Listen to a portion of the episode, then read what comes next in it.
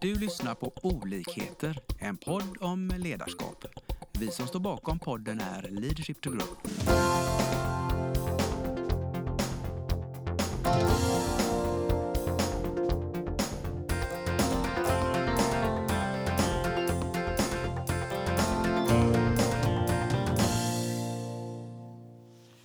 Hej och välkomna ska ni vara till dagens podd. Idag är det jag, Annika Nordén, och Lars Engström.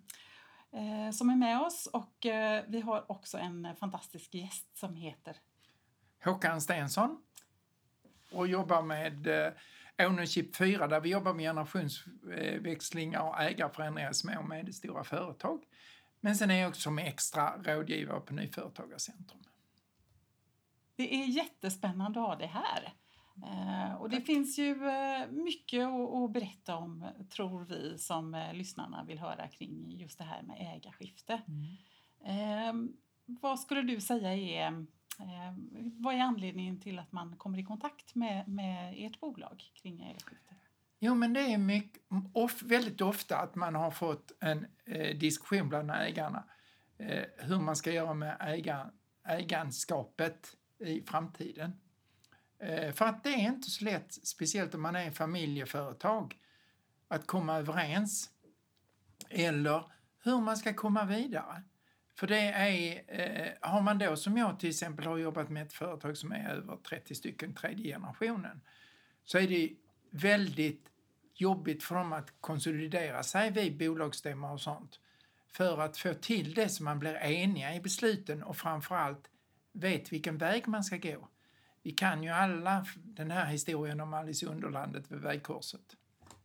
Och där har man så typiskt just det här med att familjen måste veta var de är på väg med företaget. Och det är inte alltid lätt. Många av oss vet ju faktiskt att vi har konflikter i familjen. Och vi brukar faktiskt ibland ta exemplet när folk säger vi har inga konflikter. Och säger varför är det 50% skilsmässor i det här landet? Det beror ju inte på att de var ovänner när de började träffas. Förmodligen inte, de har ju gift sig en gång. Precis.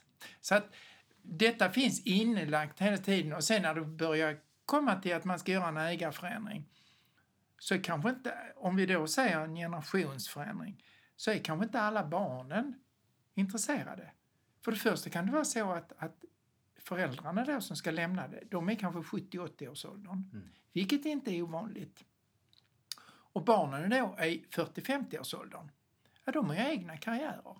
Och de har kanske inte ens blivit insläppta i bolaget. Så de kan egentligen inte rörelsen. Men plötsligt ska de ta över alltihopa.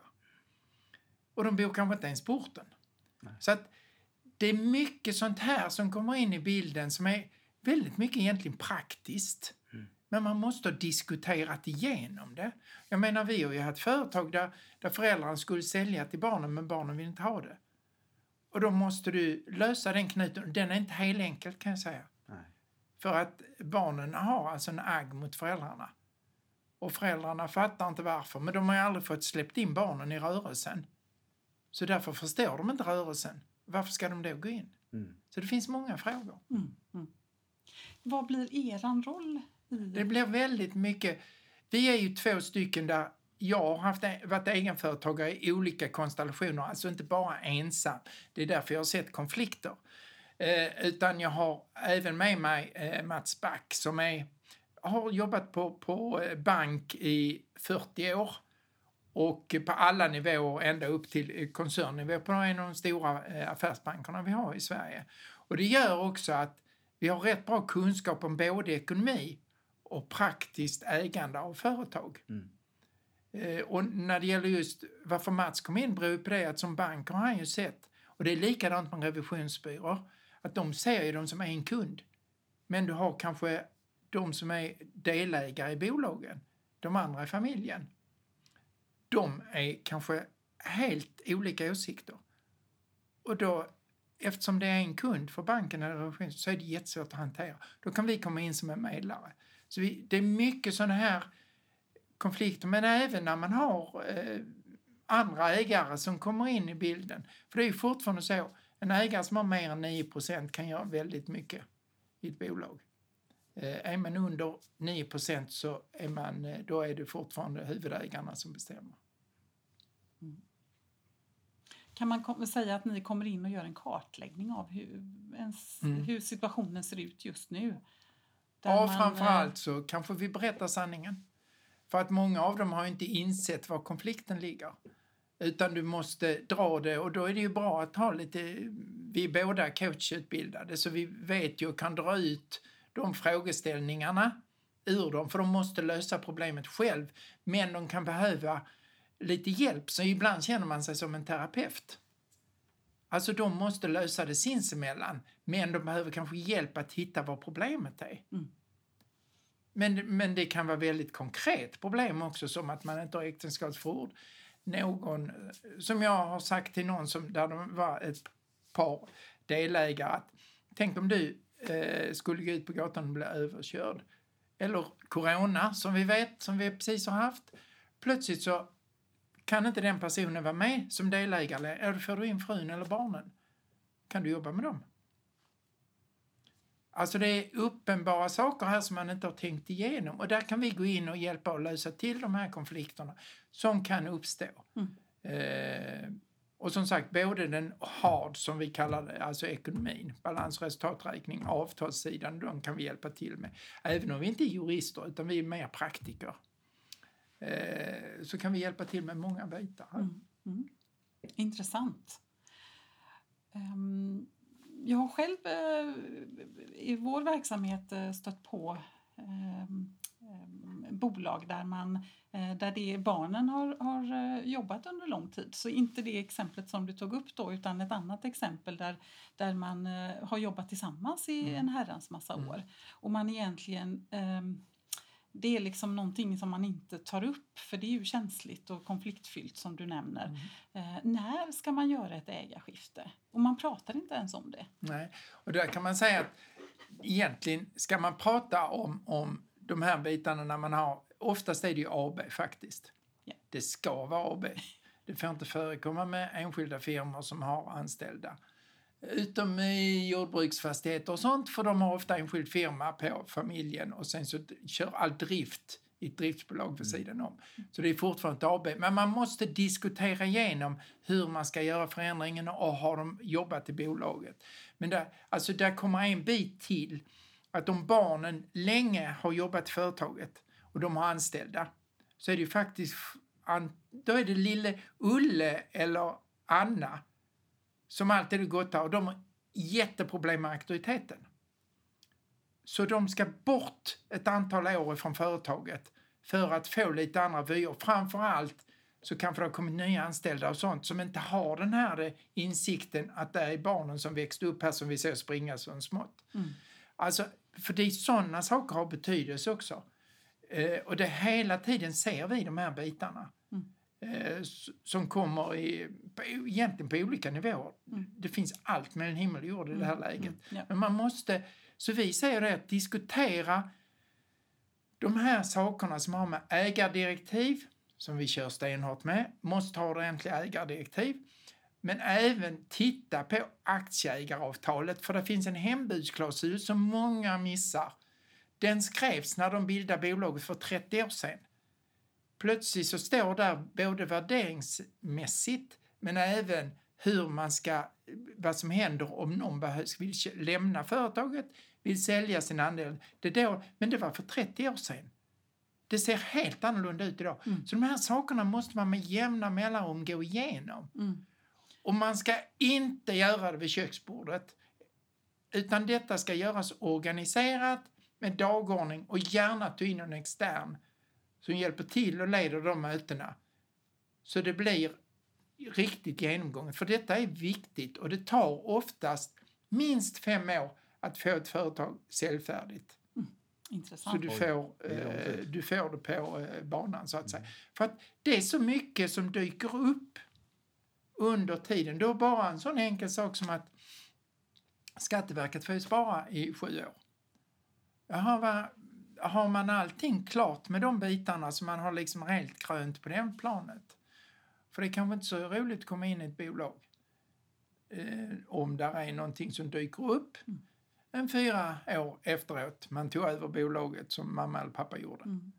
eh, som, som, inte, som man ska lösa då. Har man då också löst ut syskonen, mhm, de slipper betala den här skatteskulden som nu dök upp. Alltså här, ni, ni ser Ja. här, är, Ja. här är väldigt mycket man kan jobba med. Så ni, er roll är att egentligen lyfta på de här stenarna som ni Japp. vet att man behöver lyfta på. Japp. Identifiera det, Ja. göra, göra företagarna Ex- medvetna om Ja, eh, hur, det, hur det ligger till. Ja. Eh, och kanske beroende på vad man hittar då Mm. också ge råd och stöttning kring kanske när. Mm. Därför att då vet man eh, genom er genomgång tolkar jag det som också någonstans varför gör vi ett ägarskifte? Ja, precis. Jag kan säga en sak som vi är väldigt allergiska mot. Det är de här minikoncernerna där man har kört över, ofta har ett fastighetsbolag och som har rörelsen vid sidan om och sen kör man pengarna fram och tillbaka så man absolut inte får någon skatt. Jaha, sen måste man sälja av någon anledning eller någon går bort eller det blir arvsskifte. Ja, det finns ju inget värde i bolaget. För de har ingen vinst. Mm. Så plötsligt blir värderingen noll. Mm. Samtidigt som man vet om i familjen, ja men vi åkte ju alltid ut på semester och hade konferenser där. Och vi åkte ju alltid iväg med de bitarna. Ja, men det syns ju inte.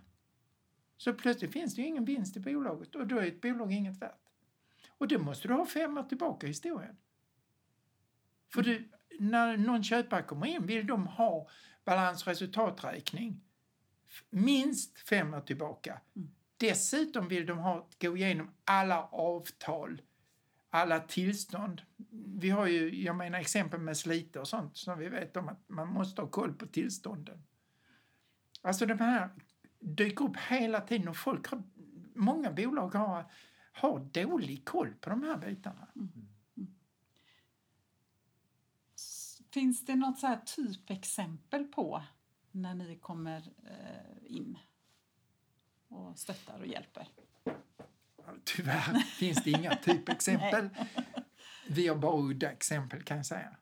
Men jag kan säga när det gällde det där med, med en förälder som tvunget vill sälja till barnen. Där eh, blev det alltså riktigt infekterat. Eh, så att, att eh, när vi satt i bilen på väg från ett annat möte, jag och min kollega Mats då, så ringde den äldre mannen som då var sängliggande dessutom och bara ville sälja till sönerna. Och han sa att nu lämnar jag företaget. Bara det att han har 100% av aktierna.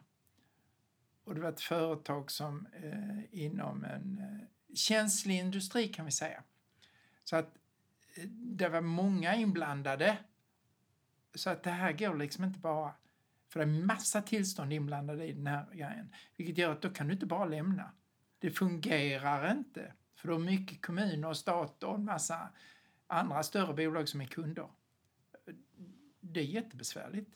Så att, men det, det, till slut fick man ju då lösa det med, med lite omvägar och sånt och få det via barnen till eh, en extern. Men det var tvunget att gå över ett av barnen. För pappan vägrade sälja. Mm. Och detta är alltså inte helt ovanligt. Eh, men, men som sagt, vi har inga typexempel. Nej, Det, det är liksom... Eh, eh, och det går inte heller. Man kan säga... Jag har ju själv varit inne i ett bolag där man hade eh, ett, ett ganska gammalt, det hade varit på en 30 år. Jobbade i en framtidsbransch så det var, det var ingen fel på den. Men man hade problem med sina exportaffärer och andra länder där man skulle vara. För man hade inte läst in kulturen i de länderna, vilket gjorde det att man gjorde på svenskt vis när man skulle byta ledning i det landet. Och det blev inte helt lagligt och framförallt bröt det mot kulturen där. Så det blev ju ren kaos i företaget. Istället för att rädda röda siffror så fick man ju större problem, vilket gjorde att den som var koncernchef fick gå in själv och bli, gå in i det landet. Och då har du ju då blir det ju helt andra problem. Och där det även så att en av delägarna som var i familjen gick ner på en lägre nivå på ekonomisidan. Men som vi känner till det, att har vi, tycker det är problem någonstans så vill vi gå till chefen. Men går du då till chefen eller han som är ägare, som ändå sitter längre ner i organisationen, men han sitter i styrelsen. Så alltså du får får nya problem. Mm. Alltså de här sakerna är inte enkla och då måste man ta hjälp. Och det är många tyvärr som inte gör det. Och det, det vi har nu jobbat i tio år med de här grejerna. Vi kan det rätt bra. Eh, att det finns inte en lösning. Eh, alla är olika. Där tar du upp någonting som är intressant också med de här eh, bolagen. Just att, eh, att eh, en- och samma person har många olika roller. Eh, Äger bolaget, eh, sitter i styrelsen, eh, är, eh, har en specifik roll, inte bara vd-rollen utan kanske också andra roller i bolaget. Ja, och där kan man, man kan säga det, en, en som är rätt intressant också det är att om du har barnen som ska ärva ett bolag och så är det bara en som jobbar kvar i bolaget. Men alla har lika många, ärver lika många aktier. Men det blir ju, redan för, i början där kan det bli en konflikt för att de som, den som jobbar i bolaget vill ju ha ut mer pengar än de andra. För den jobbar ju där. De andra som inte ens kanske är De har skapat ett värde där. Precis. Mm. Varför ska de ha lika mycket? Nej, är ju Ur rimligt. bolaget. Nej, det är ju rimligt för det. det är ju, då borde ju spegla sig i lön och annat och sånt. Precis. Men vem avgör det? Jo, allihopa sitter i styrelsen så allt ska komma Ja, överens i ja. familjen då. Återigen, plocka in en extern så har ni en styrelse som bara består av familjen. Plocka in en extern. Och sen kan jag säga också, en sak som vi också tycker är svårt om man inte ska ha, det är jämnt antal eh, ägare, alltså som har exakt lika många aktier. Som du har två som har 50-50 eller fyra som har 25 var. För att det blir ofta, om vi tar den eh, fyra, så blir det två mot två. Och det går inte att lösa. Låsningar. Då brukar vi säga så att allihopa lämnar för en aktie till en extern som får bli ordförande som de får rekrytera in, som sitter med då. Vilket gör att alla har 24 procent. Så de har ändå majoriteten. Men det är den personen som har fyra som bestämmer när det blir konflikt. Mm. Och då Ja. slipper de ta konflikten inom familjen. Jättebra. Eh, så att, och det är relativt enkla lösningar som inte kostar så mycket. Nej. Men de löser ju en konflikt. Mm. Så att vi har ju lärt oss mycket på vägen, kan man säga. Men det tänker jag för eh, jag tror det är många lyssnare där ute nu som kanske är i mindre bolag med Mm. såna här, sån här problematik som ännu inte har kickat in kan man säga då. Men så att om vi talar lite, ni har jättestor erfarenhet. Vilka framgångs, mer framgångsnycklar skulle ni säga är bra att ta tag i? Nu Jag skulle säga, det är egentligen precis som det ni jobbar med, coaching. Man måste lyssna på det, för annars får man inte reda på problemet. Nej. För det, de säger inte det öppet och ofta är de inte ens medvetna om problemet. Utan ofta är problemet ett annat än vad de tror de har. Eh, och det är ju vanligt, det är egentligen vanligt coachingproblem, eller hur? Yes. Så det är något av det, när ni har gjort kartläggning så, så sätter kan man säga, en coachningsprocess igång med, med nyckelpersoner. Ja, det blir ju det. Vi Ja. måste alltså titta på det. Och, och vi kan ju öppna många gånger, till skillnad från om man är coach som ni är, så kan vi börja med att börja grötta i, i balans och resultaträkningen. Och eh, börja titta på sånt som, som hur ser hembuden ut? Har ni äktenskapsförord? Eh, hur ser det ut i så fall? Mm. Och då öppnar vi upp dörrar som gör att de börjar prata. För en del av de sakerna är jättekänsliga. Mm. förstår man ju. Eh, eh, och speciellt, alltså vad som är problematiskt är ju att man har gått in i en partnerförhållande utan att ta upp det här med sambo och äktenskapsförord. Och sen så kanske fem, tio år innan så vi skulle nog haft det. Och då är det inte så jättelätt att ta upp den biten med, med den respektive. Hur? För det- jag menar, det är uppenbart att det blir en konflikt i det förhållandet då. Behöver inte bli det, men det finns viss risk. Ja, man öppnar ju upp för det i alla fall. Ja, precis. Så att de här sakerna är jätteviktiga att tänka på. Så vi går ju igenom mycket. Vi, alltså vi vet lite var triggern ligger, om man kallar det trigger. Ja. Men det är just det att, att där kan vi slå in. Ofta märk, vi vet ju lite vad vi ska, efter de här åren nu när vi har träffat mycket ägare, så vet vi var vi ska gå in, var det finns den känsliga punkten. Precis. Eh, och, det, och de flesta tyvärr små och medelstora företag tar inte hjälp utifrån. För de tycker det är för dyrt. Så det är väl en av de här nycklarna egentligen då, att ta hjälp, det behöver inte kosta jättemycket. Nej, och framförallt ska de veta precis som ni, men ofta möten man har man ett första möte som man inte debiterar. Mm. För det är ju lite, om man ska vara krass, ett införsäljningsmöte. Eller om man ska berätta vad man kan och vad man kan erbjuda. Och sen, det är därefter man kan ta beslutet ja, så och diskutera. Där skapas ju ett värde och ett intresse. Precis. Precis. Precis, Spännande. verkligen. Mhm. Det är kul att jobba med detta. Ja, det låter jättespännande. Om vi går in lite, jag blir lite nyfiken på det här för ni kommer ju i kontakt mycket med det här också, olika roller som du säger Annika. Mm. Och, och även, där har man ju även då den rollen man föds in alltså i familjen. Mm. Som du tog ett bra exempel på. Ibland kanske någon ska lämna bolaget några år för att man är liksom, har Mm. Kört in i en, en, ett beteende och en kultur som, Mm. inte, som inte för framåt. Mm. Vad tänker du vidare om det? Hur kan man hantera sånt lite proffsigare? Nej, men det är väldigt mycket att försöka få barnen i detta fallet att ta sin egen väg, gå sin egen väg. Jätteviktigt. Eh, för att då får de ju en egen profil också. Så de, för det, det, även om de känner företagskulturen i familjeföretaget så kan det behöva efter kanske 20-30 år förändras lite. Och då får de en annan blick på hur företaget ser ut och kanske kommer med nya idéer, lite ny inläggning. Och speciellt idag när vi även håller på med digitaliseringen. Och vi har även det här som har hänt nu med corona. Man måste bli lite mer risk, veta om man ska lösa en risk. När det händer, för en kris kan drabba oss alla. Ja. Och då är det bra att ha haft någon som har tittat lite utanför väggarna. Så det är en rekommendation igen. Låt, låt barnen ut och testa sina vingar och komma tillbaka. Exakt, och ju, alltså, det är det bästa. Och jag menar de som ofta har bäst resultat av det här, det har man ju sett i en hel del sammanhang, det är ju de som har gått helt, alltså fullständigt annorlunda väg. Och sen insett att de vill tillbaka till familjeföretaget. För då kommer de med en helt nya ins, Men inblickar det i, i verksamheten. Något viktigt tänker jag att, att de verkligen vill då. Då, då är de inte tvingade. Utan Nej. det är mer att då vill de. de Det är viktigt. Precis, för där Det är har du en helt annan kraft. Precis, då har du drivkraften. För det, Mm. det är ju fortfarande så här att kör du ett, ett eh, familje eller ett ägarföretag så måste du ha hjärtat i företaget. Mm. För det, alltså vid vissa tillfällen, är du enmans så är det alltid 24-7. Men jag menar ofta när du har egenföretagare, även när det är familjeföretag, så kan det bli 24-7 under perioder. Och då Yes. måste du vara beredd på det också. Ehm, och då, då fungerar det liksom inte att, att eh, nu går jag hem för klockan är fem. Det Nej, funkar inte.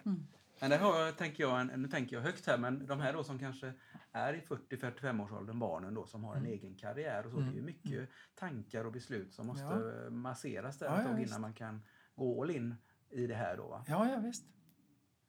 Och det, nej men det, det, och som sagt, det är viktigt att man gör det här eh, på ett bra sätt. Alltså. Mm. Men det här som jag får en bild också om att ofta vad ni möter är att det, det, det kommer igång för sent. Det kanske är när, när eh, föräldrarna då, eller Mm. föräldern eh, av åldersskäl och annat måste sluta. Mm. Och barnen är inte där. Nej, men- vad kan, kan man göra då? Ja, det, nej men det är ju besvärligt. Det blir ju inte så. Jag menar vi har ju råkat ut för sådana som säger det att nu förbereder vi oss nu på våren för vi sälja till hösten. Och det håller inte. Det kan man glömma. Men jag menar i dagens, om vi kan kalla det coronatider, så brukar vi säga att det kan tre huvudgrupper om varför man behöver förändra ägarskapet. Och det är dels en, som jag precis sa, corona, dödsfall, eh, någonting händer som gör att det blir akut helt Ja. enkelt. Och då måste papporna vara på plats och de har inte ens reflekterat över det. Men då måste man alltså ha allting färdigt. Hur, vad har vi tänkt? Återigen, mötas med jämna mellanrum och diskutera de här bitarna. Och då är styrelsehjulet, som man har lärt sig från Styrelseakademin bland annat, väldigt bra. Ehm, eller så kan det vara det att det är någon av leverantörer, kunder eller någon annan intressent som säger att ni måste plocka in ägare. För att ni klarar inte det här nu. Det har hänt för mycket på marknaden eller eh, förändringarna är allt. Vi, jag menar, vi har ju nu hela fordonsindustrin som ska lägga om från, från eh, vad ska man säga, bensin, diesel till el. Mm. Eller vätgas eller vad det nu blir. Du har en totalomställning Ja. och den kommer ju även faktiskt drabba småföretag som bygger sådana här ombyggnader och sånt också. Yes. Om vi tittar på den. Så du har förändringar hela tiden Mm. i, i eh, läget. Men egentligen vad du säger, där kanske coronan har hjälpt oss lite att bli lite mer förändringsbenägna och, och, och liksom Ja. vara var på tå.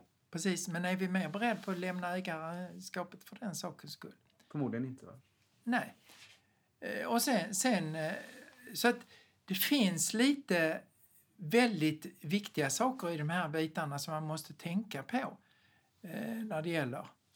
Du sa tre saker. Men Ja, vad- precis. precis. Det var Och det jag- akuta och- nämnde du. ja. Du nämnde det här att i olika situationer att det behövs nya fräscha pengar och då vill man ta in en ny ägare. för Ja, precis. Eller att man, sista biten är, man vill själv lägga av.